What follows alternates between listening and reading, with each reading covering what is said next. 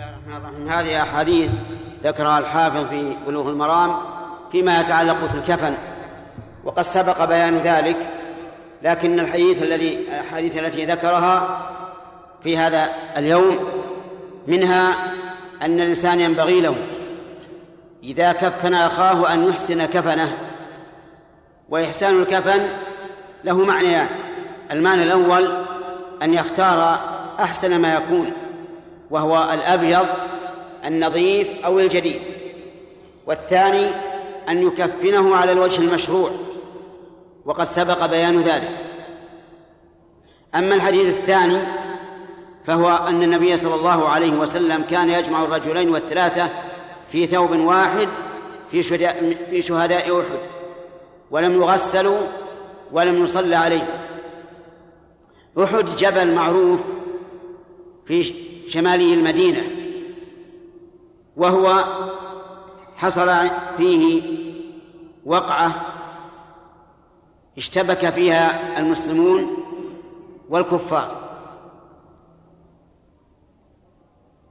وكانت الدولة والغلبة في أول الأمر للمسلمين حتى أن الكفار ولوا الأدبار وذهبوا وكان النبي صلى الله عليه وعلى آله وسلم من حسن ترتيبه في الجهاد قد جعل خمسين رجلا على جبل من أجل أن يحموا ظهور المسلمين عن الكفار. وقال لهم لا تبرحوا عن مكانكم ولا تنزلوا ابقوا فيه سواء كانت الدائرة لنا أو علينا. ولما انكشف المشركون وولوا الأدبار وصار المسلمون يجمعون الغنائم نزل بعضهم ليجمع الغنائم مع المسلمين يساعدهم عليها. فذكرهم نبيهم قول النبي صلى الله عليه وسلم لا تبرحوا عن مكانه لكنهم أصروا على النزول فنزلوا. فلما تخلى الجبل عنهم من وراء المسلمين كر فرسان المشركين على المسلمين من خلفهم واختلطوا بهم وحصل ما حصل من الهزيمة واستشهد من المسلمين في ذلك اليوم سبعون رجلا من نحو ثلاثمائة رجل أو أو أو ستمائة رجل. وكسرت رباعية النبي صلى الله عليه وسلم. وشج وجهه. وحصل من البلاء ما لا يتصوره الإنسان الآن. والمسلمون قد أثخن فيهم الجراح وتعبوا. والشهداء سبعون رجل رجلا. فشق عليهم أن أن يجمعوا لكل إنسان كفن كفنا وأن يحفروا لكل إنسان قبرا فصاروا يجمعون الاثنين والثلاثة في لفافة واحدة وعليهم ثيابهم ثم يضعونهم في قبر واحد. فيقول النبي صلى الله عليه وسلم انظروا أكثرهم قرآنا فيقدمونه يجعلونه الأول. ثم الذي يليه ثم الذي يليه. ولم يغسلوا ولم يكفن يكف ولم يصلى عليه. لأن تغسيلهم يوجب أن تزول دماؤهم. ودماؤهم الأفضل أن تبقى عليهم وقال بعض العلماء يجب أن تبقى عليهم. لأن دماءهم طاهرة وهم إذا بعثوا يوم القيامة يبعثون وجروحهم تنزف دما. اللون لون الدم والريح ريح المسك. فلذلك لم توصل ثيابهم ولا أبدانهم. ولم يصلى عليهم لأن الصلاة شفاعة شفاعة للميت. كما قال النبي صلى الله عليه وسلم ما من رجل مسلم يموت فيقوم على جنازته أربعون رجلا لا يشركون بالله شيئا إلا شفعهم الله فيه. فالمصلون على الجنازة شفعاء شفعاء لها عند الله عز وجل. يدعون لها يسألون الله لها الرحمة. وهؤلاء الشهداء رضي الله عنهم قد كفر الله عنهم كل شيء إلا الدين. فلا يحتاجون إلى شفاعة. ولهذا إذا صلي على الميت وعليه دين وقبل الله تبارك وتعالى دعاء المصلين له فإن الدين لا لا يغفر ولا تنفع فيه الصلاة على الجنازة حتى يقضى الدين. كما كان النبي عليه الصلاة والسلام يترك الصلاة على الأموات إذا كان عليهم ديون ليس لها وفاء. ففي هذا الحديث دليل على فوائد منها أن الشهيد لا يصلى عليه وأنه يدفن في مصرعه لأن شهداء أحد دفنوا في مكان استشهادهم حتى إن بعضهم نقل إلى المدينة فأمر النبي صلى الله عليه وسلم أن يردوا إلى مضاجعهم. ومنها أنه إذا كثر الموتى وشق إفراد كل ميت بقبر أنهم يجمعون في قبر واحد. ومنها أنه يقدم الأكثر قرآنا. ومنها فضيلة قراءة القرآن. وأن قارئ القرآن له فضيلة ومزية على غيره. ومنها أن الشهداء يدفنون يدفنون في ثيابهم ويلف عليهم خرقة واحدة تجمع الاثنين والثلاثة.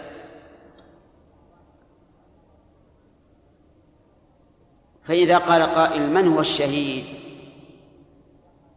قلنا إن الشهيد هو الذي قتل في سبيل الله وقد قاتل لتكون كلمة الله هي العليا. هذا الشهيد. وأما من قاتل لأنه شجاع أو قاتل حمية أو قاتل رياء فليس من الشهداء. وكذلك من قاتل انتقاما من العدو لا لتكون كلمة الله العليا فليس شهيدا إذا قتل. وكذلك من قاتل لتحرير لتحرير وطنه لا من أجل أنه وطن إسلامي ليقيم عليه دين الإسلام فإنه ليس في سبيل الله. ولهذا يجب علينا أن نحمي ألسنتنا من إطلاق شيء لا, لا يثبت شرعا بحيث نقول فلان قتل في هذه المعركة فهو شهيد. وقد بوب البخاري رحمه الله على هذه المسألة بقوله باب لا يقال فلان شهيد. والله موفق.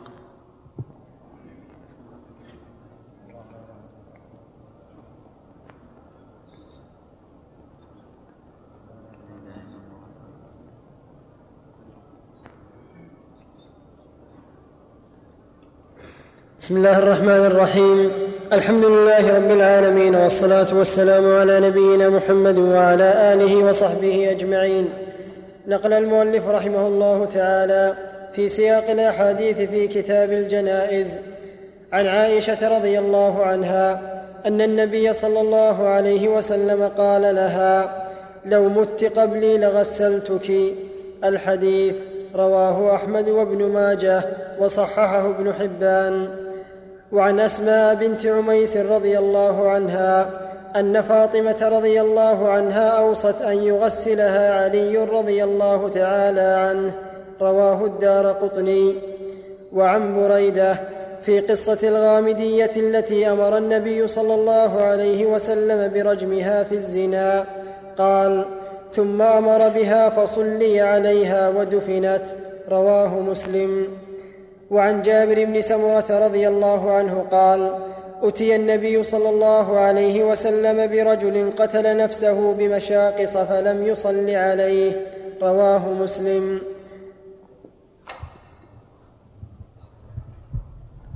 بسم الله الرحمن الرحيم.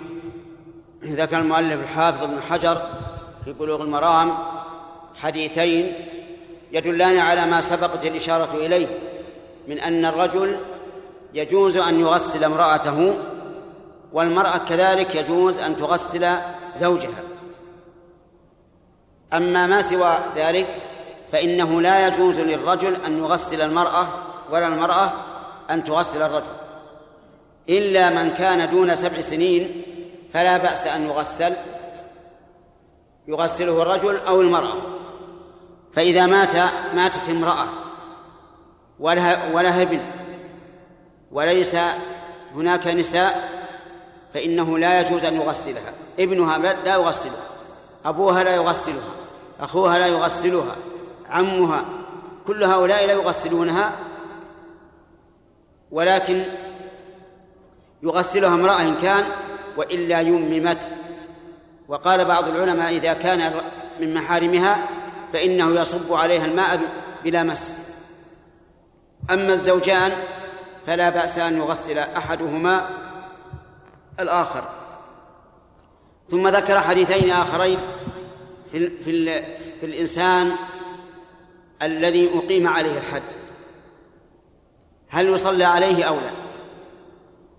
وذلك في قصة الغامدية رضي الله عنها التي زنت فأمر النبي صلى الله عليه وسلم أن ترجم لأن الزاني إذا كان قد تزوج بنكاح صحيح وجامع زوجته ثم زنى بعد ذلك فإنه يرجم بالحجارة يوقف ويأتي الناس حوله ويأخذون حصى لا صغيرة ولا كبيرة فيضربونه حتى يموت. ولا يتقصدون المقاتل لأنهم لو تقصدوا المقاتل لهلك بأول حجر يضربه. لكن يقصدون الظهر الصدر الأشياء التي لا يموت بها سريعا وذلك من أجل أن يذوق ألم الحجارة كما ذاق لذة الزنا المحرم. هذه المرأة رضي الله عنها زنت وأمر النبي صلى الله عليه وسلم أن ترجم فرجمت. ثم أمر أن يصلى عليها فصلي عليها. فدل ذلك على أن الإنسان المقتول بحد يصلى عليه وكذلك المقتول بقصاص. يعني لو أن أحدا قتل شخصا عمدا وتمت شروط القصاص واقتيد منه فإن المقتول بالقصاص يغسل ويكفن ويصلى عليه. وأما من من قتل لكفره فإنه لا يصلى عليه لأن الكافر لا يجوز أن يصلى عليه ولا أن يدعى له بالرحمة ولا بالمغفرة ومن دعا للكافر بالمغفرة أو الرحمة فقد خرج بهذا عن سبيل النبي والمؤمنين لأن الله قال ما كان للنبي والذين آمنوا أن يستغفروا للمشركين ولو كانوا أولي قربى من بعد ما تبين لهم أنهم أصحاب الجحيم. فأي إنسان يترحم على كافر أو يستغفر له فإن عليه أن يتوب إلى الله. لأنه خرج في هذه المسألة خرج عن سبيل النبي والمؤمنين. فعليه أن يتوب إلى ربه ويؤوب إلى رشده. لأن الكافر مهما دعوت له فإن الله لن يغفر له. أبدا مهما عم مهما حتى مهما عمل من خير. لو فرض أن كافرا كان يصلح يصلح الطرق ويعمر الأربطة وينفع المسلمين فإن عمله غير مقبول. كما قال تعالى وقدمنا إلى ما عملوا من عمل فجعلناه هباء منثورا. فكيف إذا كان عمله من أجل الدعوة إلى النصرانية؟ إما بالقول وإما بالفعل لأن بعض الكفار يكون عنده فعل خير للأرامل والفقراء وما أشبه ذلك لكن لمن؟ لأرامل الكفار لفقراء الكفار. لا ينفع المسلمين بشيء وإنما ينفع الكفار. هذا يدعو للنصرانية لأنه يريد أن يبقى هؤلاء على نصرانيتهم حيث إن الذي أحسن إليهم نصراني كذلك أيضا ربما يفتح هذا هذه المسائل العامة والإحسان العام في بلاد المسلمين الفقيرة من أجل أن يحول أبناء المسلمين إلى نصارى. ما هو لرحمة المؤمنين؟ لا يمكن. لا يمكن لأي كافر أن أن يبذل إحسانا للمسلمين وقصده رحمة المسلمين. أبدا. لأن الله بين أن الكفار أعداء. فقال يا أيها الذين آمنوا لا تتخذوا عدوي وعدوكم أولياء. وقال تعالى فإن الله عدو للكافرين لا يمكن أيها الإخوة أن يعمل كافر إحسانا ولو في بلاد الإسلام يريد به الخير أبدا. إنما يريد أن يقول الناس هذه مثلا هذا رجل أو امرأة نصراني يحسن للناس يرحم الضعفاء ويعين الفقراء وما أشبه ذلك. دعوة للنصرانية لكن أحيانا تكون دعوة واضحة وأحيانا دعوة مبطنة وليس هذا للخير أبدا. فهؤلاء النصارى أو اليهود أو المشركون لا يجوز أن يصلى عليه ولا أن يترحم عليه. ومن فعل ذلك فعليه أن يتوب إلى الله ويستغفر من هذا الذنب. إذا كان النبي عليه الصلاة والسلام وهو أشرف البشر جاها عند الله. سأل الله تعالى أن يستغفر لأمه. قال يا ربي إذن لي أستغفر لأمي قال الله لا. لا تستغفر لأمك. لماذا؟ لأنها ماتت على الكفر. لا تستغفر. فسأل الله أن أن يأذن له أن يزور قبرها. فزار قبرها لكن ما دعا له. وهي أم أم الرسول عليه الصلاة والسلام. كيف عاد غيره من من الكفار؟ كذلك أيضا الرجل الذي لا يصلي. لو مات رجل وهو لا يصلي. قلنا هذا كافر. مات على الكفر. فلا يجوز أن يغسل ولا يكفن ولا يصلى عليه ولا يدفن مع المسلمين. ويحرم على أهله إذا كانوا يعلمون أنه مات وهو لا يصلي يحرم عليهم أن يغسلوه أو يكفنوه أو يصلوا عليه. وإذا جاءوا به لمساجد المسلمين فقد خانوا المسلمين. أن يقدموا إليهم رجلا كافرا يصلون عليه. لكن ماذا يصنعون به؟ يصنع به أن يخرج به خارج البلد في محل بعيد عن عن العمران وعن الإحياء ويحفر له حفرة. ما هو قبر؟ لأنه ليس له كرامة. يحفر له حفرة ويرمس فيها بثيابه.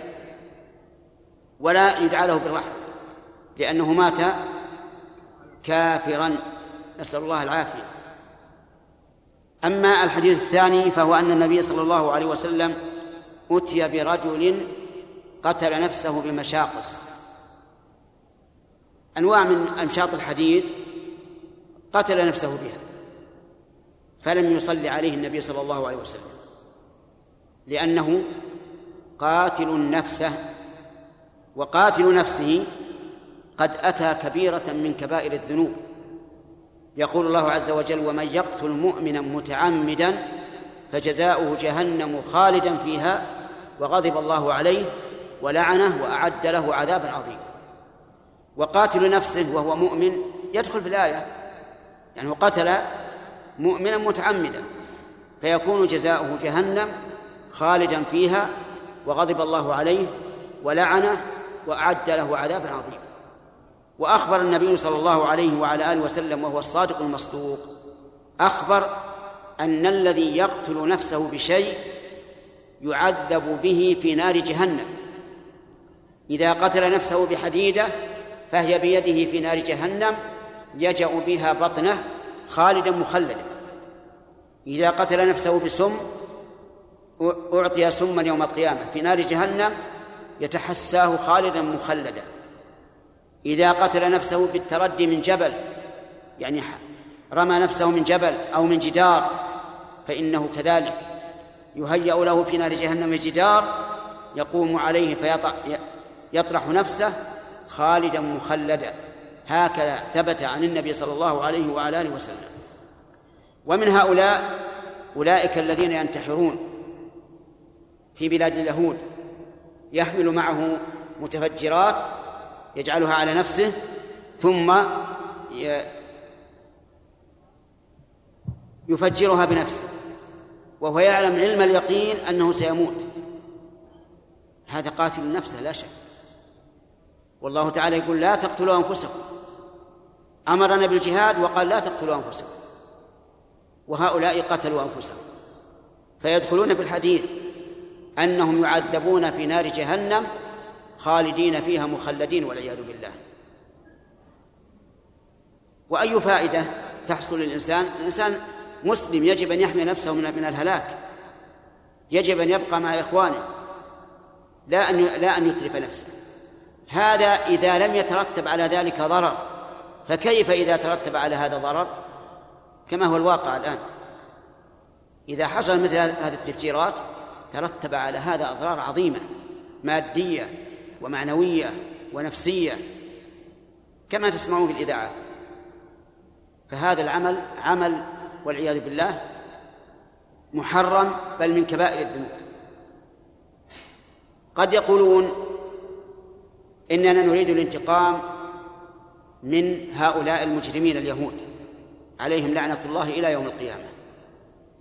نقول ليس الانتقام بما حرم الله عليك. انتقم منهم بغير ما حرم الله عليك. ثم الانتقام أيضا. انظر ماذا يترتب على الانتقام من المصالح وماذا يترتب عليه من المفاسد. حكم الشرع والعقل قبل أن تحكم العاطفة. يقولون إن البراء بن مالك رضي الله عنه أخو أنس بن مالك في غزوة اليمامة لما حاصروا حديقة مسيلمة الكذاب وعجزوا أن يدخلوها والباب مغلق. قال لهم احملوني من وراء الجدار وألقوني بينهم أفتح لكم الباب. ففعلوا. فرموه من وراء الجدار وفتح الباب. قالوا هذا الرجل رمى نفسه بين أيدي الكفار وهو واحد وهم جماعة. لكن هل هذا الرجل أيقن مئة بالمئة أنه سيهلك؟ أجيب لا. ولذلك ما هلك. فتح الباب للصحابة ودخلوا الحديقة وقتلوا المسيب ففرق بين شيء فيه احتمال البقاء وشيء فيه يقين الهلاك. بينهما فرق عظيم. فعلى كل حال قاتل النفس لم يصلي عليه النبي عليه الصلاة والسلام. قاتل نفسه. لكن هل يصلي عليه هل صلى عليه الصحابة؟ نعم صلوا عليه. لأنه ليس كافرا. قاتل النفس ليس نفسه ليس كافرا فيصلى عليه. فإذا قال الإنسان في وقتنا الحاضر لو جاء إلى المسجد بشخص قاتل نفسه فهل من السنة أن يقول الإمام أنا لا أصلي عليه فصلوا عليه؟ فالجواب إن كان الإمام له قيمته في المجتمع. كأمير أو عالم كبير أو سيد وجيه أو ما أشبه ذلك فإن من السنة أن يقول صلوا عليه فأنا لا أصلي عليه. لأن في هذا ردعا لأمثاله حتى لا يقدم أحد على قتل نفسه. والصلاة حصلت بفعل الناس وسقطت وسقطت سقطت الفريضة. وإنما كانت الأمور هكذا لأن الصلاة على الميت شفاعة له عند الله عز وجل. قال النبي صلى الله عليه وسلم ما من رجل يصلي ما من رجل مسلم يموت فيقوم على جنازته أربعون رجلا لا يشركون بالله شيئا إلا شفعهم الله فيه. فالذين يصلون على الميت شفعاء يسألون الله له المغفرة والرحمة والعفو وأن يفسح له في قبره وينور له فيه فهم شفعاء. لذلك كان الرجل إذا فعل مثل هذه الأشياء التي تركها النبي عليه الصلاة والسلام فإن أن لا يصلى عليه لكن ليس الناس كلهم لا بد أن يصلى عليه. لكن الأمير والعالم الكبير والشريف الوجيه وما أشبه ذلك إذا تركوا الصلاة عليه ردعا لأمثاله كان ذلك من السنة. والله الموفق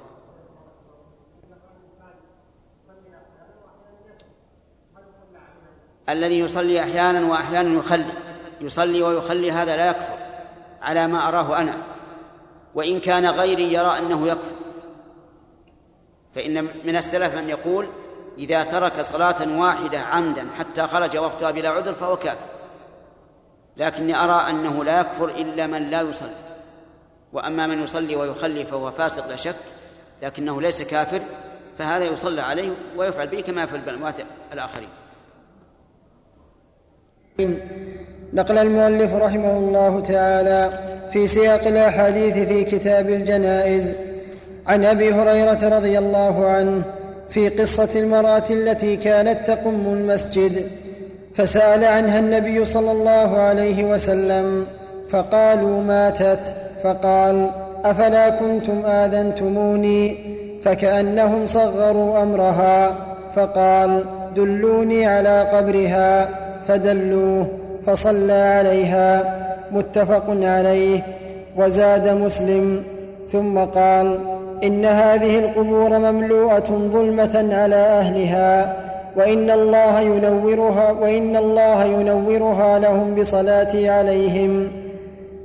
وعن حذيفة رضي الله تعالى عنه أن النبي صلى الله عليه وسلم كان ينهى عن النعي رواه أحمد والترمذي وحسنه. وعن أبي هريرة رضي الله تعالى عنه أن النبي صلى الله عليه وسلم نعى النجاشي في اليوم الذي مات فيه وخرج بهم إلى المصلى فصف بهم وكبر عليه اربعا متفق عليه. بسم الله الرحمن الرحيم.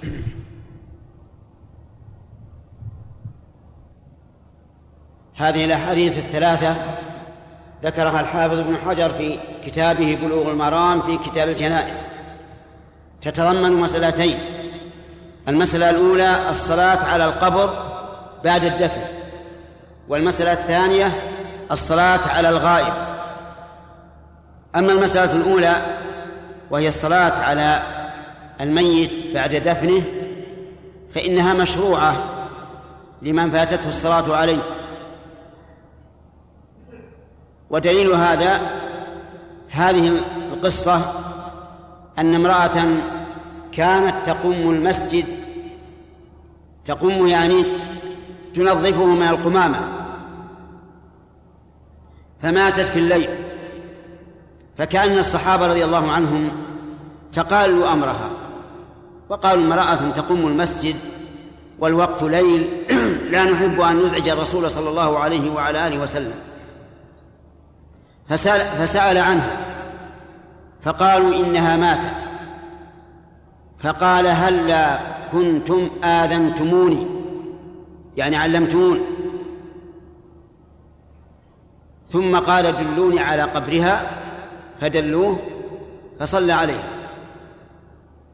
ففي هذا الحديث دليل على فوائد منها فضيلة تنظيف المسجد من القمامة والأذى كقطع الأوراق قطع المناديل الأعواد التراب وما أشبه ذلك.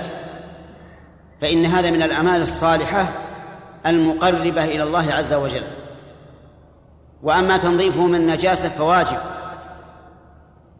مثل أن ينجسه هر يعني القط البس فواجب تنظيفه على من علم أو أن يبلغ من له الشأن في هذا. لأن النبي صلى الله عليه وسلم لما بال الأعرابي في المسجد أمر أن يطهر بصب الماء عليه. ومن فوائد هذا الحديث أن الاعتراف لأهل الفضل بفضلهم سواء كانوا رجالا أم نساء. لأن النبي صلى الله عليه وعلى آله وسلم عظم من شأن هذه المرأة التي كانت تقوم المسجد ومنها حسن رعاية النبي صلى الله عليه وعلى آله وسلم في أصحابه حيث أنه يتفقدهم ويسأل عنهم عليه الصلاة والسلام. وهذا دأبه لأنه عليه الصلاة والسلام أحسن الناس صحبة وأكملهم أخلاقا صلوات الله وسلامه عليه. ومنها أن النبي صلى الله عليه وعلى آله وسلم لا يعلم الغيب وإلا لا علم بموت هذه المرأة ولا علم بما بموضع قبرها. ولكنه لم يعلم لأن النبي صلى الله عليه وعلى آله وسلم لا يعلم من الغيب إلا ما أطلعه الله عليه وإلا فهو وغيره سواء. كما قال تعالى قل لا أقول لكم عندي خزائن الله ولا أعلم الغيب ولا أقول لكم إني ملك إن أتبع إلا ما يوحى إلي. وكما أنه لا يعلم الغيب فهو ينسى ما علم عليه الصلاة والسلام. كما قال عليه الصلاة والسلام إنما أنا بشر مثلكم أنسى كما تنسون. ومنها مشروعية الصلاة على القبر وهذا هو الشاهد من الحديث لهذا الباب. لكن لمن لم يصلي عليه أما من صلى عليه فإنه لا تشرع لا يشرع له تكرار الصلاة. لكن من لم يصلي وفاتته الصلاة فله أن يصلي على القبر لأن النبي صلى الله عليه وسلم فعل ذلك. ولكن ينبغي أن لا يكون هذا أعني الصلاة على القبر إلا لسبب إما قرابة وإما لكون هذا الرجل له معروف على المسلمين كهذه المرأة لها معروف على المسلمين بتنظيف مساجدهم. أما العادي فلا. ولهذا لا نعلم أن النبي صلى الله عليه وسلم أمر أن يدل على قبر كل من مات ليصلي عليه. لكن هذه المرأة لما كان لها شأن عام مصلحة عامة منفعة عامة خرج النبي صلى الله عليه وسلم فصلى على قبرها كالمكافأة لها أما العاديون فلا لا يشرع أن الإنسان يخرج ليصلي عليهم إلا أن يكون له نوع قرابة كابن العم وابن الأخ والأخ والأب والأم والزوج والزوجة وما أشبه ذلك. لكن الزوج من المعلوم أن المرأة لا تخرج إلى المقابر فهو فالمثال به ليس بصواب. لكن الزوجة سأل له زوجة ماتت وهو لم يدري أو كان في مكان يعني في كان في مكان آخر فقدم فلا حرج أن يخرج ويصلي عليه. ومن فوائد هذا الحديث أن من دل أحدا على قبر فإنه لا يصلي معه. يصلي وحده لأن ظاهر هذا السياق أن الصحابة الذين دلوه على قبرها لم يصلوا معه. لكن إن ورد في رواية أخرى أنهم صلوا معه كان فيه دليل على جواز إعادة الصلاة على القبر ممن صلى إذا كان تبعا لغيره. أما الصلاة على الغائب فقد ثبتت فقد ثبتت في قصة النجاشي. النجاشي ملك الحبشة. أسلم رحمه الله. لكنه لم يرى النبي صلى الله عليه وسلم. فكان مخضرما بين التابعين والصحابة. ليس من التابعين لأنه أعلى منهم وأرفع لكونه أسلم في عهد الرسول عليه الصلاة والسلام. وليس من الصحابة بل هو دونهم لكونه لم يجتمع بالنبي صلى الله عليه وسلم. المهم أن هذا الرجل ملك صالح. آوى المهاجرين إليه من الصحابة رضي الله عنهم. وتوفاه الله سبحانه وتعالى والنبي صلى الله عليه وسلم في المدينة بعد أن رجع المهاجرون من عنده. وهو وهو في بلد كفر. الملك مسلم ورعيته كفار. اللهم إلا قليلا. مات فأخبر به النبي عليه الصلاة والسلام في يومه. وفي ذلك الوقت ما في مواصلات. لا هواتف ولا برقيات ولا غيرها لكنه الوحي من عند الله جل وعلا. أخبر بموته فأخبر الصحابة رضي الله عنهم وقال إنه مات أخ لكم صالح من الحبشة وأمرهم فخرجوا إلى المصلى وصفوا كأن الجنازة بين أيديهم. والمصلى قيل إنه مصلى الجنائز لأن من عادة الرسول عليه الصلاة والسلام أن لا يصلي على الجنائز في المسجد. أكثر الأحيان ما يصلي في المسجد على الجنائز وإنما أعد لهم مكان خاص يصلون فيه على الجنائز.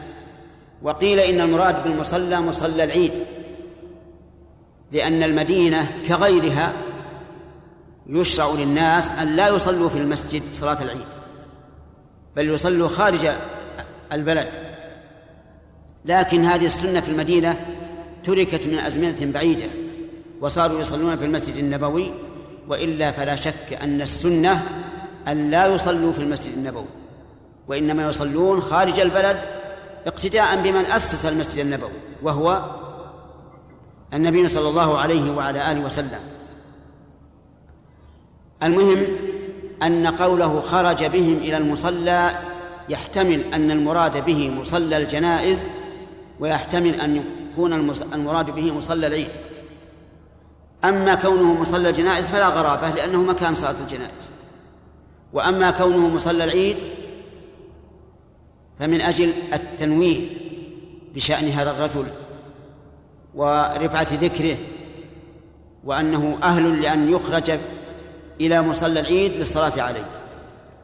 على كل حال في هذا دليل على أنه يصلى على الغائب صلاة الجنازة وأن الناس يصفون كما يصفون على الجنازة الحاضرة. ولكن هل يصلى على كل ميت غائب؟ الجواب لا. لا يصلى على كل ميت غائب. لأن النبي صلى الله عليه وسلم لم يكن يصلي على كل ميت غائب. إذن ما هو الضابط؟ قال بعض العلماء الضابط أن كل من كان له من كان فيه مصلحة للمسلمين من عالم يرشدهم أو غني يتصدق عليهم أو يبرهم بخير فهذا يصلى عليه. ومن كان إنسانا عاديا فلا يصلى عليه.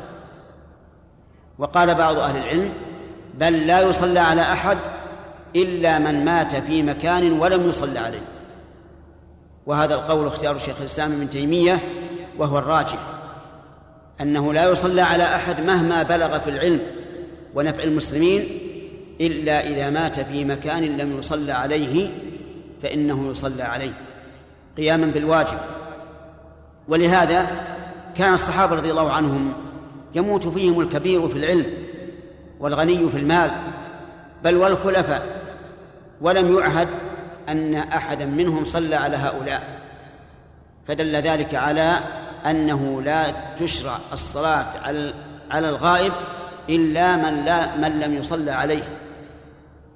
كما لو غرق في البحر ولم يصلى عليه أو ما أو مات في قتال ولم يصلى عليه أو ما أشبه ذلك. فهذا يصلى عليه على الغائب. ولكن هل تحدد الصلاة على الغائب والصلاة على القبر؟ هل تحدد بزمن أو لا؟ يرى بعض العلماء أنها تحدد بشهر وأنه لا يصلى على الغائب إذا مضى على موته شهر ولا يصلى على القبر إذا مات إذا مضى على موته شهر. والصواب أنه ليس ليس لذلك حد. وأنه إذا مات الإنسان ودفن فللإنسان أن يصلي عليه ولو بعد شهرين أو ثلاثة أو سنة أو سنتين بشرط أن يكون هذا المصلي حين موت صاحب القبر من أهل الصلاة على الجنازة. فمثلا إذا كان هذا القبر من أجداد الإنسان. ومات وهو ابن عشر سنين. فله أن يخرج ويصلي على جده لأن ابن عشر سنين من أهل الصلاة على الجنازة. أما لو كان له لهذا الرجل عشرون سنة ومات جده وقبل عشرين سنة فإنه يصلي عليه أو لا؟ لا يصلي عليه. لماذا؟ لأنه مات قبل أن يولد أو قبل أن يكون من أهل الصلاة. ولهذا لو قال لنا قائل الآن هل يشرع لي أن أصلي على النبي صلى الله عليه وسلم صلاة الجنازة؟ يعني على قبره قلنا لا. هل يشرع أن نصلي على قبر عثمان رضي الله عنه؟ قلنا لا. لأن هؤلاء ماتوا قبل وجودك بأزمنة كثيرة فالضابط أن يكون هذا الميت الذي تصلي على قبره قد مات وأنت قد ولدت وبلغت سنا تكون فيه من أهل الصلاة على الميت. أما الصلاة على الغائب فقد علمتم أنه لا يصلى على الغائب إلا إذا كان لم يصلى عليه وهذا لا حد له أيضا. يعني لو, لو لم نعلم بموت إنسان إلا بعد عشر سنوات وهو لم يصلى عليه فإنا نصلي عليه. والله موفق. نقل المؤلف رحمه الله تعالى في سياق الأحاديث في كتاب الجنائز. عن ابن عباس رضي الله عنهما قال سمعت النبي صلى الله عليه وسلم يقول ما من رجل ما من رجل مسلم يموت فيقوم على جنازته أربعون رجلا لا يشركون بالله شيئا. إلا شفعهم الله فيه رواه مسلم. وعن سمرة بن جندب رضي الله عنه قال صليت وراء النبي صلى الله عليه وسلم على امراه ماتت في نفاسها فقام وسطها متفق عليه. وعن عائشه رضي الله عنها قالت والله لقد صلى رسول الله صلى الله عليه وسلم على ابني بيضاء في المسجد رواه مسلم. وعن عبد الرحمن بن أبي ليلى قال كان زيد بن أرقم رضي الله عنه يكبر على جنائزنا أربعا وإنه كبر على جنازة خمسا. فسألته فقال كان رسول الله صلى الله عليه وسلم يكبرها. رواه مسلم والأربعة. هذه أحاديث فيما يتعلق بصلاة الجنازة. ذكرها الحافظ ابن حجر في بلوغ المرام. منها أن النبي صلى الله عليه وسلم قال ما من رجل مسلم يموت فيقوم على جنازته أربعون رجلا لا يشركون بالله شيئا إلا شفعهم الله فيه. قول ما من رجل مسلم يعني أو امرأة. لكن القرآن والسنة تارة يأتي التعبير فيهما بذكر الرجال وتارة بذكر النساء. والأصل أن الرجال والنساء سواء في شريعة الله إلا ما دل الدليل على أن أنه خاص بالرجال أو خاص بالنساء. وقوله مسلم احترازا من غير المسلم. لأن غير المسلم لو صلى عليه أربعون ألفا ما نفعوه ما نفعوه. بل ولا يجوز أن يصلى على غير المسلم ولهذا يجب التنبه إلى مسألة خطيرة. نزل المصحف ولا كامل. إلى. إلى مسألة خطيرة يفعلها بعض الناس. يموت الإنسان عندهم وهم يشهدون عليه أنه لا يصلي. فيوصلونه ويكفرونه ويأتون به إلى المسلمين ويصلون عليه. وهذا حرام عليهم لأنه لا يجوز أن يصلى على كافر. وعلى من مات عنده رجل لا يصلي عليه أن يحمله على سيارة بثيابه ثم يخرج به إلى مكان برية فيحفر له حفرة ويرمسه فيها بدون قبر ولا لحد لأنه لا لا كرامة له ولا حرمة له ولأن غير المسلم إذا مات لا يجوز أبدا أن يدعى له بالرحمة ولا بالمغفرة. مهما كان إحسانه على عباد الله. وقوله عليه الصلاة والسلام لا يشركون بالله شيئا هذا شرط مهم. وهو تحقيق التوحيد في المصلين على الجنازة بحيث لا يقع منه شرك لا أصغر ولا أكبر. بل الظاهر أن المراد بالشرك هنا الأصغر لأن قوله ما من رجل مسلم يغني عن نفي الشرك الأكبر. إذ لا يكون مسلما ومعه شرك أكبر فعليه يكون هذا في يكون في هذا دليل على أهمية الإخلاص والابتعاد عن الشرك ولو كان أصغر. فمن حلف بغير الله فقد أشرك. شركا أصغر يعني لو قال والنبي والرسول وحياتي وحياة فلان والكعبة والشمس والقمر يحلف بذلك فقد قال النبي صلى الله عليه وعلى آله وسلم من حلف بغير الله فقد كفر أو أشرك. ومن علق تميمه من غير القرآن فقد أشرك. يعني لو أتى بطلاسم علقها في رقبته أو ربطها في يده أو ما أشبه ذلك فقد أشرك. وأما التميمة من القرآن فقد قال بعض العلماء إنها جائزة وبعضهم كرهها. ففي هذا الحديث دليل على أهمية تحقيق الإخلاص والتوحيد وأنه تجب العناية بإخلاص العبد لربه تبارك وتعالى حتى لا يفوته هذا القيد لا يشركون بالله شيئا.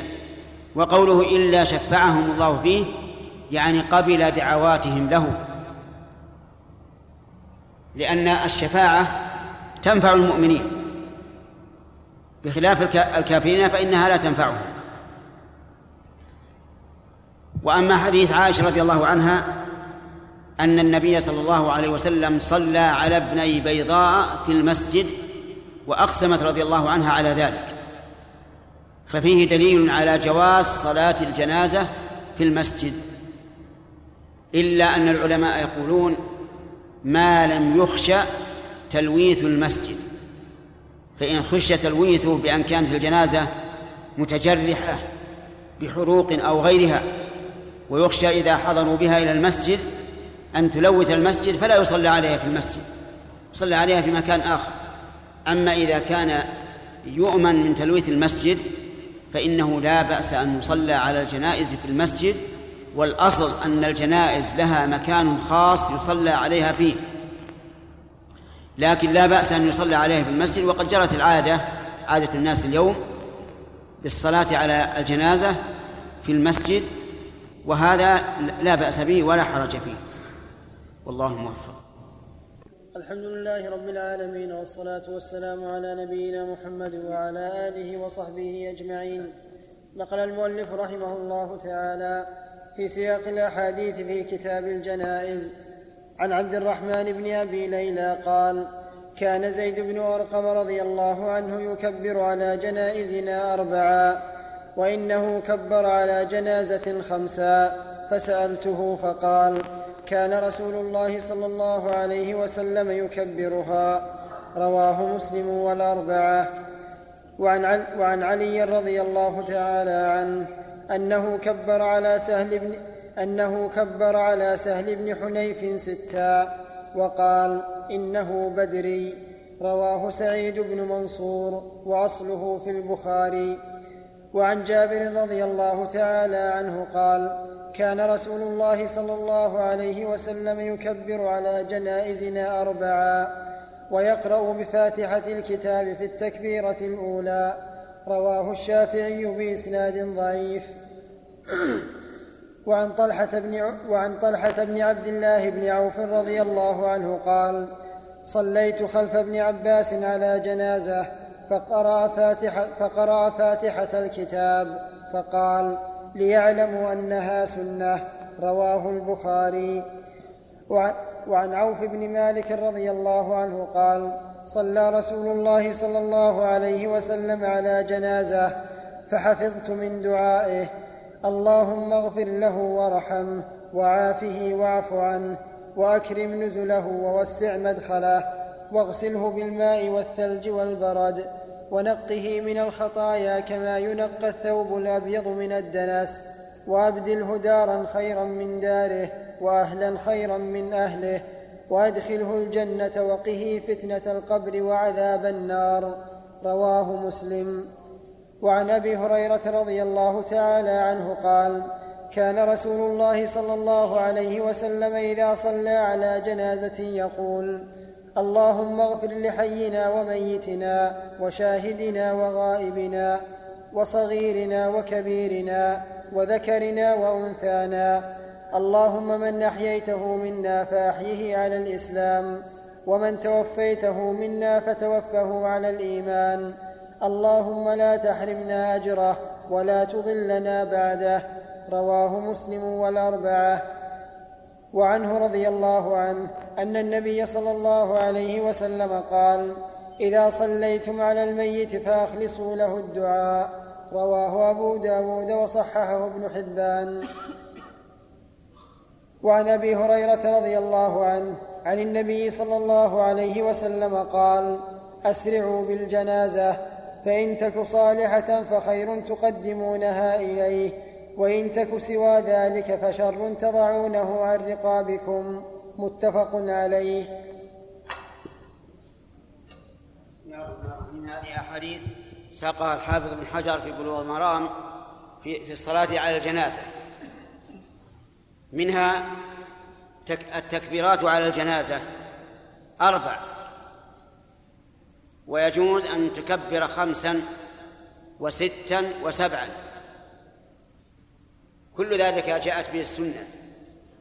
لكن أكثر ما جاءت به السنة تكبيرات أربع. قد ثبت في صحيح مسلم عن زيد بن أرقم أن النبي صلى الله عليه وسلم كبر خمسا. فلنذكر صفة صلاة الجنازة. إذا قدم الميت فإن كان ذكرا قام الإمام عند رأسه. وإن كانت أنثى قام عند وسطها.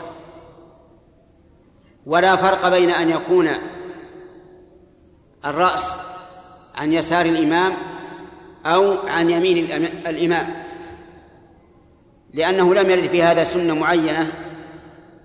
ولو أن ذاهبا ذهب إلى أن يكون الرأس عن يسار الإمام لتكون جملة الميت عن يمين الإمام لكان له وجه. لكننا لا نعلم في هذا سنة فالمسألة سهلة. وما ظنه بعض العوام من أن الميت يكون رأسه عن يمين يكون رأسه عن يمين الإمام فهذا لا أصل له. اجعله عن يمينك أو عن يسارك. المهم أن الرجل تقف عند رأسه والمرأة عند وسطها. ثم إنه إذا كانوا جماعة فإن الإمام يقف وحده على الجنازة ولا يكون معه أحد لا أقارب الميت الميت ولا غيرهم خلافا لما يظنه بعض العوام. أنه لا بد أن يكون أهل الميت يقفون مع الإمام فإن هذا لا أصل له. لكن يقدمون الميت ثم يدخلون في الصفوف وإذا كان لا يمكن أن يدخلوا في الصفوف صفوا وراء الإمام بينه وبين الصف الأول. ويكبر الإنسان عند كل ت... ويرفع الإنسان يديه عند كل تكبيرة عند التكبيرة الأولى والثانية والثالثة والرابعة وإن زاد الخامسة والسادسة والسابعة المهم أنه يرفع يديه عند كل تكبيرة. هكذا جاءت به السنة. ووجهه أن كل تكبيرة تعتبر كأنها ركعة متميزة. فلا بد من علامة على كل تكبيرة. يقرأ في الأولى في التكبيرة الأولى سورة الفاتحة بدون استفتاح. يعني ما تقول سبحانك اللهم وبحمدك ولا اللهم باعد بيني وبين خطاياي وإنما تكبر ثم تستعيذ بالله من الشيطان الرجيم ثم تقرأ الفاتحة. فإن هذا فإن الفاتحة ركن في صلاة الجنازة. لو تركها الإنسان لم تصح الصلاة. لعموم قول النبي صلى الله عليه وسلم لا صلاة لمن لم يقرأ بفاتحة الكتاب. ثم تكبر الثانية فتصلي على النبي صلى الله عليه وسلم. وأحسن ما يكون ما علمه الرسول عليه الصلاة والسلام أمته حين قالوا كيف نصلي عليك إذا نحن صلينا عليك في صلاتنا؟ قال قولوا اللهم صل على محمد وعلى آل محمد كما صليت على إبراهيم وعلى آل إبراهيم إنك حميد مجيد. اللهم بارك على محمد وعلى آل محمد كما باركت على إبراهيم وعلى آل إبراهيم إنك حميد مجيد. ثم تكبر الثالثة وتدعو بالدعاء العام. اللهم اغفر لحينا وميتنا وشاهدنا وغائبنا وصغيرنا وكبيرنا وذكرنا وأنثانا إنك تعلم وذكرنا وأنثانا إنك تعلم منقلبنا ومثوانا. اللهم من أحييته منا فأحيي على الأسلام ومن توفيته منا فتوفه على الإيمان. ثم تدعو للميت. فتبدأ بالدعاء العام اولا ثم بالدعاء للميت. اللهم اغفر له وارحمه وعافه واعف عنه وأكرم نزله وأوسع مدخله. واغسله بالماء والثلج والبرد ونقه من الخطايا كما ينقى الثوب الأبيض من الدنس. اللهم أبدله دارا خيرا من داره واهلا خيرا من أهله وزوجا خيرا من زوجه. اللهم افسح له في قبره ونور له فيه. اللهم لا تحرمنا أجره ولا تفتنا بعده واغفر لنا وله. ثم تكبر الرابعة وتقول بعدها ربنا آتنا في الدنيا حسنة وفي الآخرة حسنة وقنا عذاب النار. ثم تسلم. وإن كنت تريد أن تكبر خمسا فبعد الثالثة تدعو بالدعاء العام وبعد الرابعة بالدعاء الخاص بالميت وبعد الخامسة ربنا آتنا في الدنيا حسنة وفي الآخرة حسنة ثم تسلم. قال أهل العلم والتسليمة واحدة لأن صلاة الجنازة مبنية على التخفيف والإسراع. ولهذا قال النبي صلى الله عليه وعلى آله وسلم أسرعوا بالجنازة. وسيأتي إن شاء الله الكلام على هذا الحديث في الدرس القادم. هذه صلاة الجنازة هذه كيفيتها. وإذا كانت امرأة فقل اللهم اغفر لها وارحمها. وإذا كنت لا تدري مثل أن تكون في مؤخر المسجد ولا تدري أرجل هو أم امرأة فقل اللهم اغفر لها يعني لهذه الجنازة. أو اللهم اغفر له أي لهذا الشخص. يعني أنك تنوي تأتي بضمير يصلح لهذا وهذا. وإذا فات الإنسان بعد الإنسان بعض التكبير كما لو دخل في صلاة الجنازة بعد التكبيرة الثانية. فإنه بالخيار إن شاء قال ما يقول الإمام وإن شاء بدأ بالفاتحة. والفاتحة لا بد منها. ثم إذا كبر الإمام الثالثة يدعو للميت. وإذا سلم الإمام فإن شاء سلم معه وإن شاء أتى بالتكبيرة الرابعة وسلم. والله موفق. نقل المؤلف رحمه الله تعالى في سياق الأحاديث في كتاب الجنائز عن أبي هريرة رضي الله عنه عن النبي صلى الله عليه وسلم قال أسرعوا بالجنازة فإن تك صالحة فخير تقدمونها إليه وإن تك سوى ذلك فشر تضعونه عن رقابكم. متفق عليه. وعنه رضي الله عنه قال قال رسول الله صلى الله عليه وسلم من شهد الجنازة حتى يصلى عليها فله قيراط ومن شهدها حتى تدفن فله قيراطان. قيل وما القيراطان؟ قال مثل الجبلين العظيمين متفق عليه ولمسلم حتى توضع في اللحد. وللبخاري أيضا من حديث أبي هريرة من تبع جنازة مسلم ايمانا واحتسابا وكان معها حتى يصلى عليها ويفرغ من دفنها فإنه يرجع بقيراطين كل قيراط مثل جبل أحد. وعن سالم عن أبي بسم الله الرحمن الرحيم ساق المؤلف رحمه الله في كتابه بلوغ المرام في كتاب الجنائز فيما يتعلق بالدفن والإسراع بالجنازة حديث أبي هريرة رضي الله عنه أن النبي صلى الله عليه وعلى آله وسلم قال أسرعوا بالجنازة فإن تك صالحة فخير تقدمونها إليه وإن تك سوى ذلك فشر تضعونه عن رقابكم. فأمر عليه الصلاة والسلام بالإسراء بالجنازة أي بالإسراء في تجهيزها في التغسيل والتكفين والصلاة والمشي إلى أن تدفن. وبين ذلك عليه الصلاة والسلام بين السبب أن الجنازة إما أن تكون صالحة فإن كانت صالحة فخير تقدمونها إليه. أسرعوا بها إلى هذا الخير. لا تهينوها لا تمنعوها من هذا الخير. وإن تكن سوى ذلك فشر تضعونه عن رقابكم وتتخلصون منه لأن الجنائز إما صالحة وإما غير صالحة.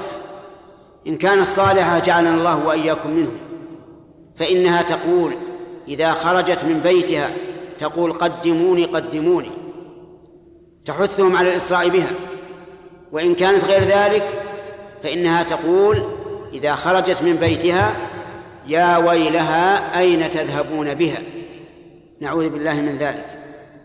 فالواجب أن الإنسان لا يحبس الميت بل يسرع إلا إذا شك في موته فإنه ينتظر حتى يتيقن موته كما ذكر ذلك أهل العلم لئلا يدفن وهو حي. فينتظر فإذا توقن موته فإنه لا يؤخر لأن ذلك معصية للرسول عليه الصلاة والسلام وجناية على الميت حيث أخر عن الخير الذي قدره الله له. وما يفعله بعض الناس اليوم مع الأسف الشديد أنه إذا مات الميت وله أقارب في بلد آخر حبسوه حتى يحضر أقاربه ربما يبقى يوما أو يوم وليلة.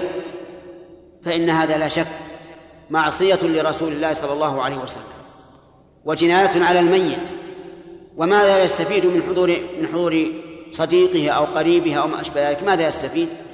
هو يستفيد أن يصلي عليه وفائدة هذه يدركها إذا وصل إلى البلد يخرج إلى القبر ويصلي عليه. أما كونه يحبس من أجل أن يحضر أقاربه أو أصدقاؤه أو ما أشبه ذلك فهذا غلط كبير. وعادة سيئة قبيحة.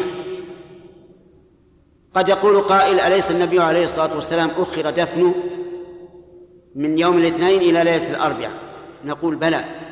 لكن أخروه لأنه لما مات كانت مصيبته عظيمة. وصارت الأمة ليس لها إمام ليس لها خليفة سلطان. فأبقوا الصحابة رضي الله عنهم حتى حصلت البيعة لأبي بكر رضي الله عنه فلما تمت البيعة وصار في, الب... في, ال... في الأرض خليفة لله عز وجل في خلقه دفنوه. وإلا من المعلوم أن الصحابة لا يمكن أن يعصوا الرسول عليه الصلاة والسلام بالأمر بالإس... في الأمر بالإسراع بالجنازة. إلا لسبب والسبب هو هذا. ثم بين المؤلف ساق المؤلف الأحاديث الدالة على فضيلة اتباع الجنازة. اتباع الجنازة إذا اتبعها الإنسان حتى يصلى عليها كتب له قيراط وإذا تبعها حتى تدفن كان له قيراطان. والقراط قال النبي عليه الصلاة والسلام مثل الجبلين مثل الجبلين العظيمين أصغرهما مثل أحد. ولما بلغ ابن عمر رضي الله عنهما هذا الحديث قال والله لقد فرطنا في قراريط كثيرة وصار يخرج مع الجنائز كلما سنحت له الفرصة. فدل هذا على أنه ينبغي أن تتبع الجنائز. والذي ينبغي أن أن تحمل على الأكتاف ويمشي الناس بها مشيا إلا إذا كان هناك حاجة مثل أن يكون في شدة حر أو شدة برد أو ريح شديدة أو مطر أو بعد مقبرة وما أشبه ذلك فلا بأس أن تحمل وإلا فالأفضل أن ت... نعم فلا بأس أن تحمل في السجارة وأما إذا لم يكن حاجة فإن الأفضل أن تحمل على الأكتاف. والله الموفق. نقل المؤلف رحمه الله تعالى في سياق الأحاديث في كتاب الجنائز عن سالم عن أبيه رضي الله عنهما أنه رأى النبي صلى الله عليه وسلم وأبا بكر وعمر وهم يمشون أمام الجنازة رواه الخمسة وصححه ابن حبان وأعله النسائي وطائفة بالإرسال. وعن أم عطية رضي الله عنها قالت نهينا عن اتباع الجنائز ولم يعزم علينا. متفق عليه. وعن أبي سعيد وعن أبي سعيد أن رسول الله صلى الله عليه وسلم قال إذا رأيتم الجنازة فقوموا فمن تبعها فلا يجلس حتى توضع. متفق عليه. وعن أبي إسحاق أن عبد الله بن يزيد أدخل الميت من قبل من قبل رجلي القبر وقال هذا من السنة. أخرجه أبو داود. وعن ابن عمر رضي الله عنهما عن النبي صلى الله عليه وسلم أنه قال إذا وضعتم موتاكم في القبور فقولوا بسم الله وعلى ملة رسول الله أخرجه أحمد وأبو داود والنسائي وصححه ابن حبان وأعله الدار قطني بالوقف. وعن عائشة أن رسول الله صلى الله عليه وسلم قال كسر عظم الميت ككسره حيا رواه أبو داود بإسناد على شرط مسلم. بسم الله الرحمن الرحيم. هذه أحاديث فيما يتعلق بالجنائز. منها المشيعون للجنازة الذين يتبعونها. هل يكونون مع خلفها أو أمامها أو عن يمينها أو عن شمالها؟ والجواب على ذلك أن نقول الأمر واسع والحمد لله. كن أمامها أو خلفها أو عن يمينها أو عن شمالها المهم أن لا تبتعد عنها بحيث لا تعد مشيعا لها. ولكن الأفضل للمشاة أن يكونوا أمام الجنازة وعن يمينها وعن شمالها وأما الراكبون فيكونون وراءها. هذا باعتبار ما سبق من أن الناس يركبون على البهائم الحمر أو الإبل. أما الآن فالراكبون على السيارات والسيارات إذا كانت وراء المشيعين أزعجتهم. وأتعبتهم. لهذا نقول أهل السيارات يتقدمون لئلا يؤذوا الناس ويحوشوهم على وجه لا لا يطمئنون فيه. ومنها هل المرأة تتبع الجنائز؟ تقول أم عطية رضي الله عنها نهينا عن اتباع الجنائز والذي نهاهم هو النبي صلى الله عليه وعلى آله وسلم. لكنها قالت لم يعزم علينا. وهذه المسألة اختلف فيها العلماء رحمهم الله. فقيل إن النساء يكره لهن أن يتبعن الجنائز. وقال بعضهم إنه يحرم أن يتبعن الجنائز. فالذين قالوا إنه يكره كراهة تنزيه قالوا إن أم عطية قالت لم يعزم علينا. والذين قالوا إنه يحرم قالوا إن هذا فهم أم عطية.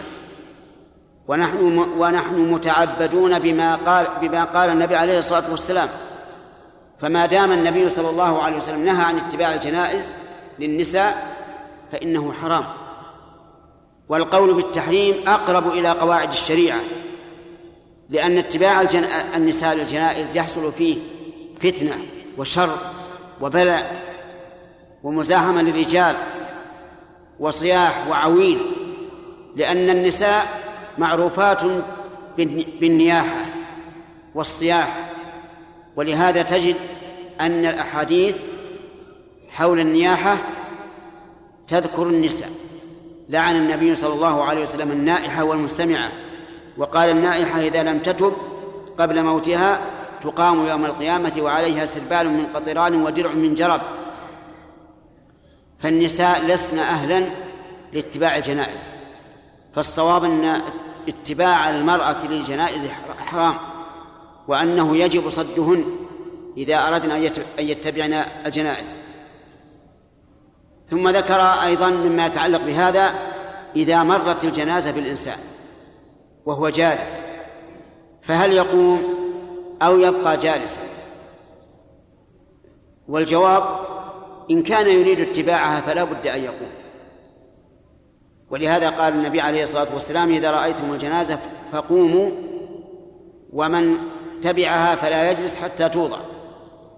وأما إذا كان لا يريد القيام فقال بعض العلماء إن السنة أن يقوم وقال آخرون إن السنة أن لا يقوم وذلك لتعارض الأدلة. فالنبي صلى الله عليه وسلم أمر إذا مرت الجنازة في الإنسان أن يقوم وقام هو عليه الصلاة والسلام. لما مرت به جنازة يهودي قام وقال إن للموت فزعا. ومن العلماء من قال إن هذا منسوخ لأن النبي صلى الله عليه وسلم قام ثم ترك.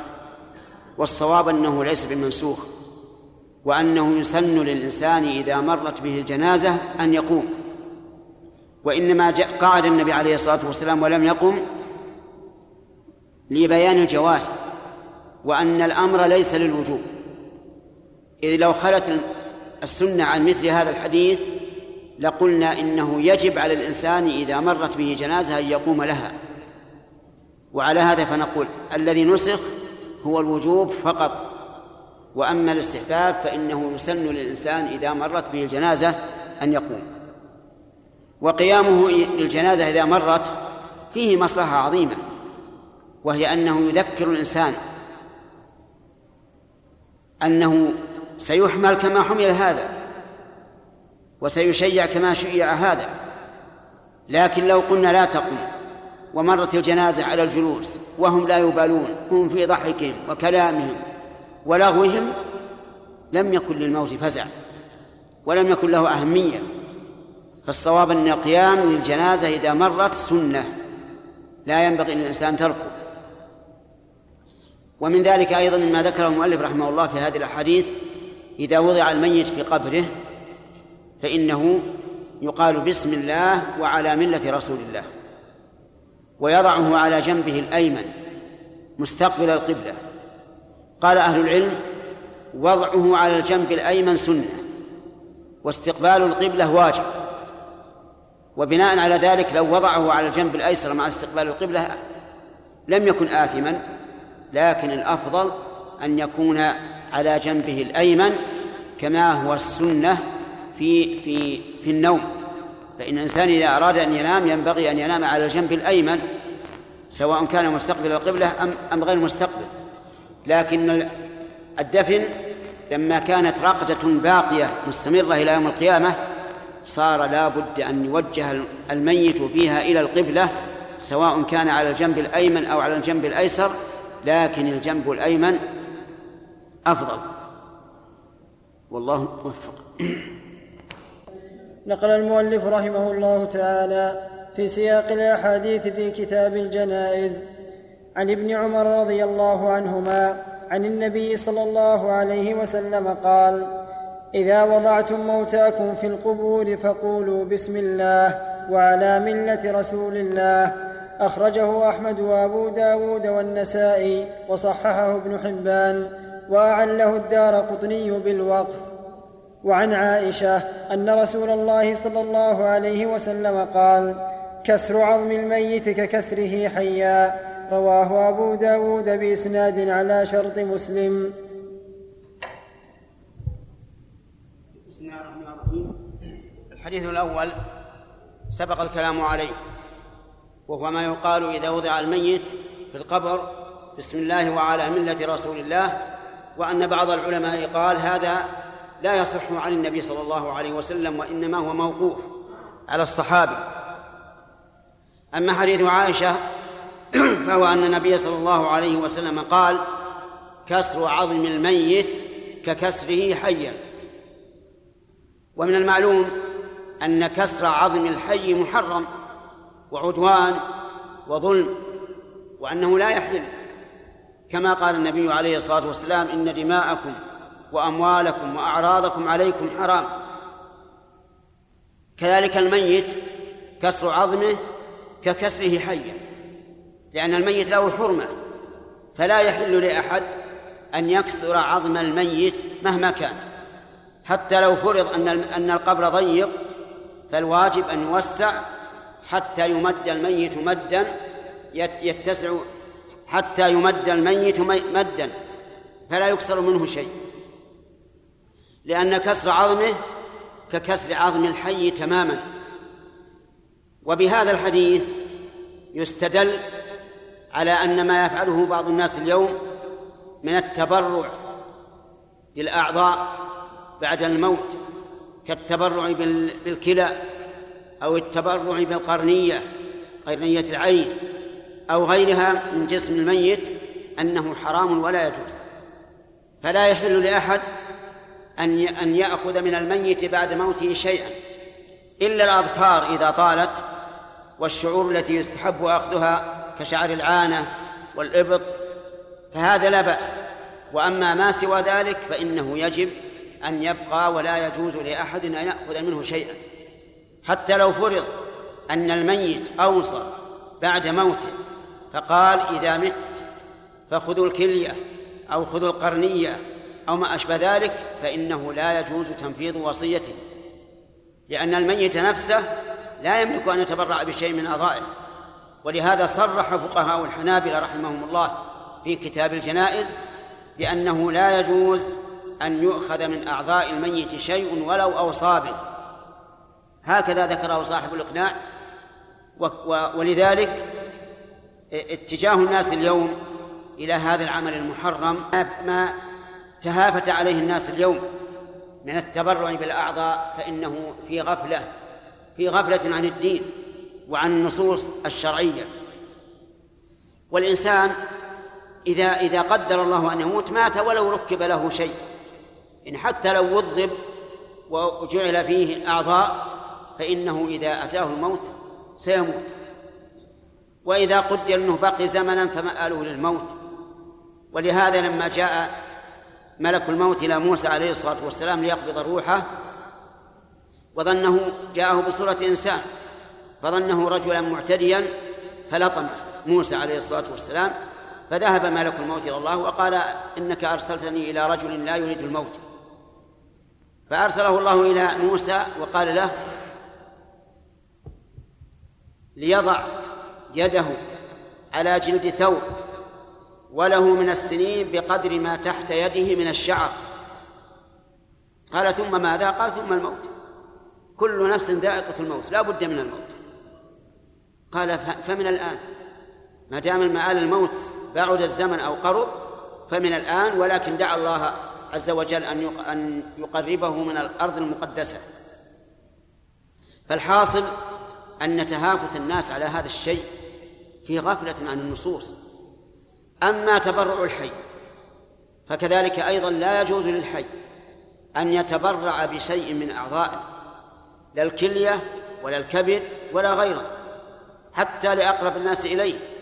لو فرض أن أمه ستموت إن لم يتبرع لها بكلية فإنه لا يجوز أن يتبرع لها بكلية أو أبوه أو أخوه أو صديقه أو أحد من أقاربه. لأن بدنك أمانة عندك. قال الله عز وجل ولا تقتلوا أنفسكم. أنت لست حرا. تتصرف كما تشاء. فلا يجوز للإنسان أن يتبرع بكليته لأحد. حتى لو مات أبوك أو أمك أمامك إن لم تتبرع لا تبرع له. أولا لأن أخذ الكلية من الإنسان مفسدة. ثم وضعها في هذا المحتاج إليها قد ينجح وقد لا ينجح. وإنما كان أخذ الكلية مفسدة لأن الله تعالى لم يخلق شيئا عبثا. فالكليتان تتساعدان في تصفية الدم والبول وكل ما يتعلق بالجسم. ولهذا فيه ما يقول فيها مئات الأنواع من التصفية في هذه الكلة الصغيرة. فأنت إذا أخذتها وأعطيتها إنسان معناها أنك أفقدت جسمك أمرا حيويا مهما. وإذا قدر أن الإنسان يعيش بكلية واحدة فإنه لا بد أن يكون هناك أدوية دائما يستعملها كما هو الواقع. يستعمل أدوية دائما للتقوية. ثم إذا قدر أن هذه الكلية التي بقيت أصيبت بمرض فليس فليس أمامه إلا الموت. لأنه يعني يبقى بلا كلى. لكن لو بقيت الأولى التي تبرع بها نفعت. لذلك نقول ونبين لإخواننا أن التبرع بالأعضاء في الحياة أو بعد الممات محرم لا يجوز. فإن قال قائل التبرع بالدم قلنا لا بأس. التبرع بالدم يجوز بشرط أن لا يتضرر المتبرع. فإذا قال الأطباء أن هذا الرجل دمه كثير لو تبرع بشيء منه لا يضره فلا بأس. والفرق بين الدم والعضو أن الدم إذا أخذ يخلفه دم آخر في الحال بمجرد ما ينال طعاما من عصير أو غيره يأتي دم بدل الذي تبرع به لكن العضو ما يأتي بدله عضو. فهذا وهذا فرق واضح. فالتبرع بالدم لا بأس به بشرط أن لا يتضرر المتبرع. والتبرع بالأعضاء محرم على كل حال. من الأموات والأحياء فلا تقتل نفسك لإحياء غيرك. وما ورد في قصة الثلاثة الذين جرحوا في إحدى المعارك وأحتاجوا إلى ماء وجيء لأحدهم بماء فقال أعط الثاني والثالث.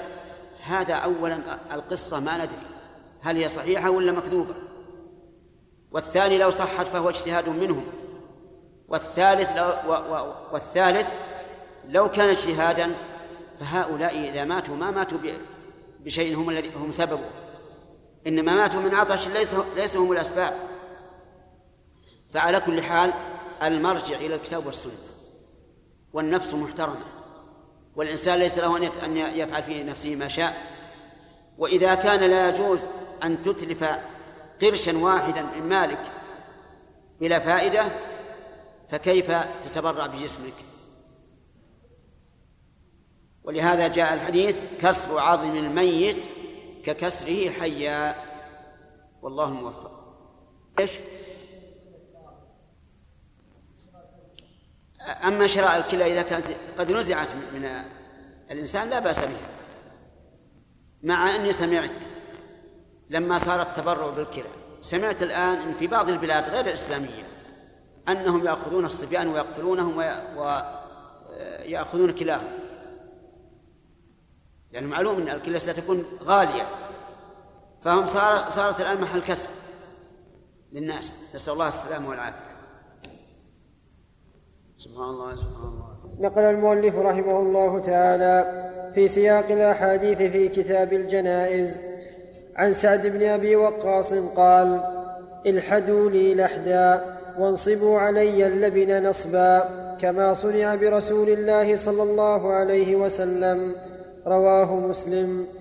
وللبيهقي عن جابر رضي الله عنه نحوه وزاد ورفع قبره عن الأرض قدر شبر وصححه ابن حبان ولمسلم عنه رضي الله عنه نهى رسول الله صلى الله عليه وسلم أن يجصص القبر وأن يقعد عليه وأن يبنى عليه.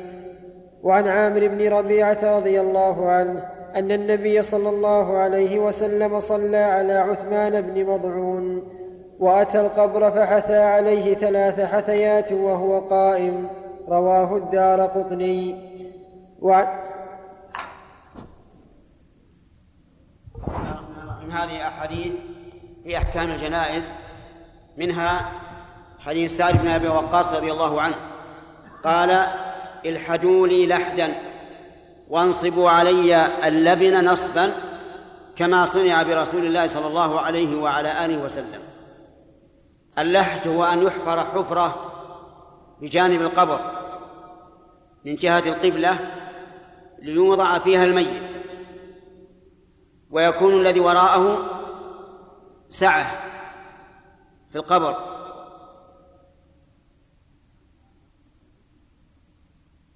وأما نصب اللبن فمعناه أن اللبن يوقف وقفا بمعنى أنه يسند إلى جانب القبر حتى يكون واقفا. والحكمة من ذلك أنه لو وضع عليه اللبن مسطحا غير منصوب لكان مع ثقل التراب ينهدم على الميت فكان يبقى منصوبا. وأخبر سعد رضي الله عنه أن هذا هو الذي صنع برسول الله صلى الله عليه وعلى آله وسلم. يعني فعله الصحابة اجتهادا منهم أو اقتداء بالنبي صلى الله عليه وعلى آله وسلم. والقبر تارة يكون لحدا وتارة يكون شقا. الشق هو أن يحفر حفرة في وسط القبر ويوضع فيها الميت. وهذا مكروه إلا إذا دعت الحاجة إليه. كما لو كانت الأرض رخوة رملا أو ترابا منهالا فهنا يوضع الشق في نصف القبر ويوضع من الجانبين لبن, لبن ثم يوضع الميت بين هذا اللبن ثم يسقف عليه. واللحد أفضل ولهذا جاء في الحديث اللحد لنا والشق لغيرنا. لكن العلماء يقولون إذا كان هناك حاجة للشق فلا بأس به. ثم ذكر أيضا أنه رفع قبره نحو شبر عن الأرض. ووجه ذلك أن القبر لما حفر التراب فإنه لا يكون كالتراب الأصلي الذي في الأرض لأن التراب الأصلي الذي في الأرض ملتبد تماما وهذا قد نعث وبعثر. ثم إن مكان الميت أيضا صار فضاء ليس فيه ليس فيه طين. فكان لا بد أن يرتفع القبر عن الأرض. إلا أن العلماء قالوا لا يزاد على تراب القبر. بمعنى أنك لا تزيده لا تزيد القبر ترابا من غيره لأنك لو فعلت هذا لارتفع القبر. ورفع القبور منهي عنه. وأما حديث أبي هريرة أن النبي صلى الله عليه وسلم نهى أن يجسس القبر وأن يقعد عليه وأن يبنى عليه فهذه ثلاث أشياء. أولا أن يجسس أن يوضع عليه الجص الأبيض وهذا النهي للتحريم. فلا يجوز أن تشيد القبور لأن القبور بيوت الأموات وتشييدها ربما يؤدي إلى الغلو فيها وعبادة أهلها. فلهذا نهي عنه. كذلك نهي أن يبنى عليه. إذا دفن الميت فإنه لا يجوز أن يبنى عليه. بناء لا مسجد ولا غير مسجد. وأما ما وقع للنبي صلى الله عليه وسلم فإن قبره لم يبنى عليه لأن الرسول صلى الله عليه وسلم دفن في بيته وهو مبني من قبل. وهذا من خصائص الرسول عليه الصلاة والسلام أن يدفن في بيته. وأما غير الرسول فيدفن مع الناس. لكن النبي صلى الله عليه وسلم دفن في بيته. قالت عائشة مخافة أن يتخذ قبره مسجدا. واختار أبو بكر وعمر رضي الله عنهما أن يدفنا مع النبي صلى الله عليه وسلم لأنهما صاحباه في الحياة ووزيراه. وكان دائما يقول ذهبت أنا وأبو بكر وعمر ورجعت أنا وأبو بكر وعمر. فهما وزيراه رضي الله عنهما فاختارا أن يدفنا معه فدفنا معه. وسوف يخرجون يوم القيامة من هذه الأجداث بعضهم إلى بعض. اللهم احشرنا مع النبي صلى الله عليه وسلم. وكذلك وأشد من هذا أن يبنى عليه مسجد أي على القبر. فإن بناء المساجد على القبور سبب للعنة الله والعياذ بالله. قال النبي صلى الله عليه وسلم لعنة الله على اليهود والنصارى اتخذوا قبور أنبيائهم مساجد. قال ذلك وهو في سياق الموت عليه الصلاة والسلام. لعنة الله على اليهود والنصارى اتخذوا قبور أنبيائهم مساجد يحذر ما صنعوا عليه الصلاة والسلام. ولذلك إذا بني المسجد على القبر وجب أن يهدم لأنه مسجد ملعون فاعله والعياذ بالله ولا تصح الصلاة فيه. وأما إذا بني المسجد أولا ثم دفن فيه الميت فإنه لا حق للميت في هذا المكان وهو في مكان مغصوبة في أرض مغصوبة يجب أن أن ينبش وأن يدفن مع الناس. ولا يحل إقراره في المسجد أبدا. لكن المسجد تصح الصلاة فيه إلا أن يكون القبر في قبلته فإنه لا تصح الصلاة فيه لأن النبي صلى الله عليه وسلم قال لا تصلوا إلى القبور. وأما القعود على القبر فكذلك يحرم على الإنسان أن يقعد على قبر أخيه. لما في ذلك من الإهانة والإذلال حتى إن النبي صلى الله عليه وعلى آله وسلم قال لأن يجلس أحدكم على جمرة فتخرق ثيابه فتمضي إلى جلده خير له من أن يقعد على قبر. وهذا وعيد وعيد على من قعد على القبور. وأما الكتابة على القبر فقد ورد النهي عنها أيضا. الكتابة على القبر منهي عنها إلا أن بعض العلماء رخص في الكتابة اليسيرة ككتابة الاسم أو كتابة الوسم أو ما أشبه ذلك. أما أن يكتب زائد على شيء زائد على ذلك فإنه منهي عنه. وسمعنا أنه في بعض البلاد الإسلامية يجعلون نصيبة طويلة على القبر. يعني ينصبون حجرا طويلا ويكتبون فيه الفاتحة. وهذا حرام. ولا يحل. وعلى من رآها أن يزيلها. إلا أن يخشى فتنة في ذلك فليدعها والإثم على واضعها. فهذه أشياء نهى النبي صلى الله عليه وسلم أن تفعل في, القبور. البناء عليها والكتابة والجلوس والرابع أن التجصيص. والله الموفق نقل المؤلف رحمه الله تعالى في سياق الأحاديث في كتاب الجنائز عن عامر بن ربيعة رضي الله عنه أن النبي صلى الله عليه وسلم صلى على عثمان بن مضعون وأتى القبر فحثى عليه ثلاث حثيات وهو قائم. رواه الدار قطني. وعن عثمان رضي الله عنه قال كان رسول الله صلى الله عليه وسلم إذا فرغ من دفن الميت وقف عليه وقال استغفروا لأخيكم واسألوا له التثبيت فإنه الآن يسأل. رواه أبو داود وصححه الحاكم.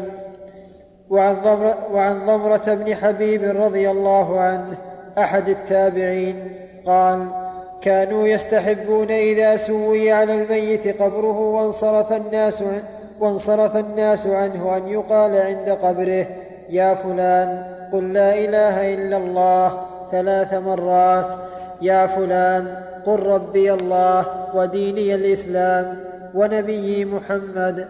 رواه سعيد بن منصور موقوفا. وللطبراني نحوه من حديث أبي أمامة مرفوعا مطولا.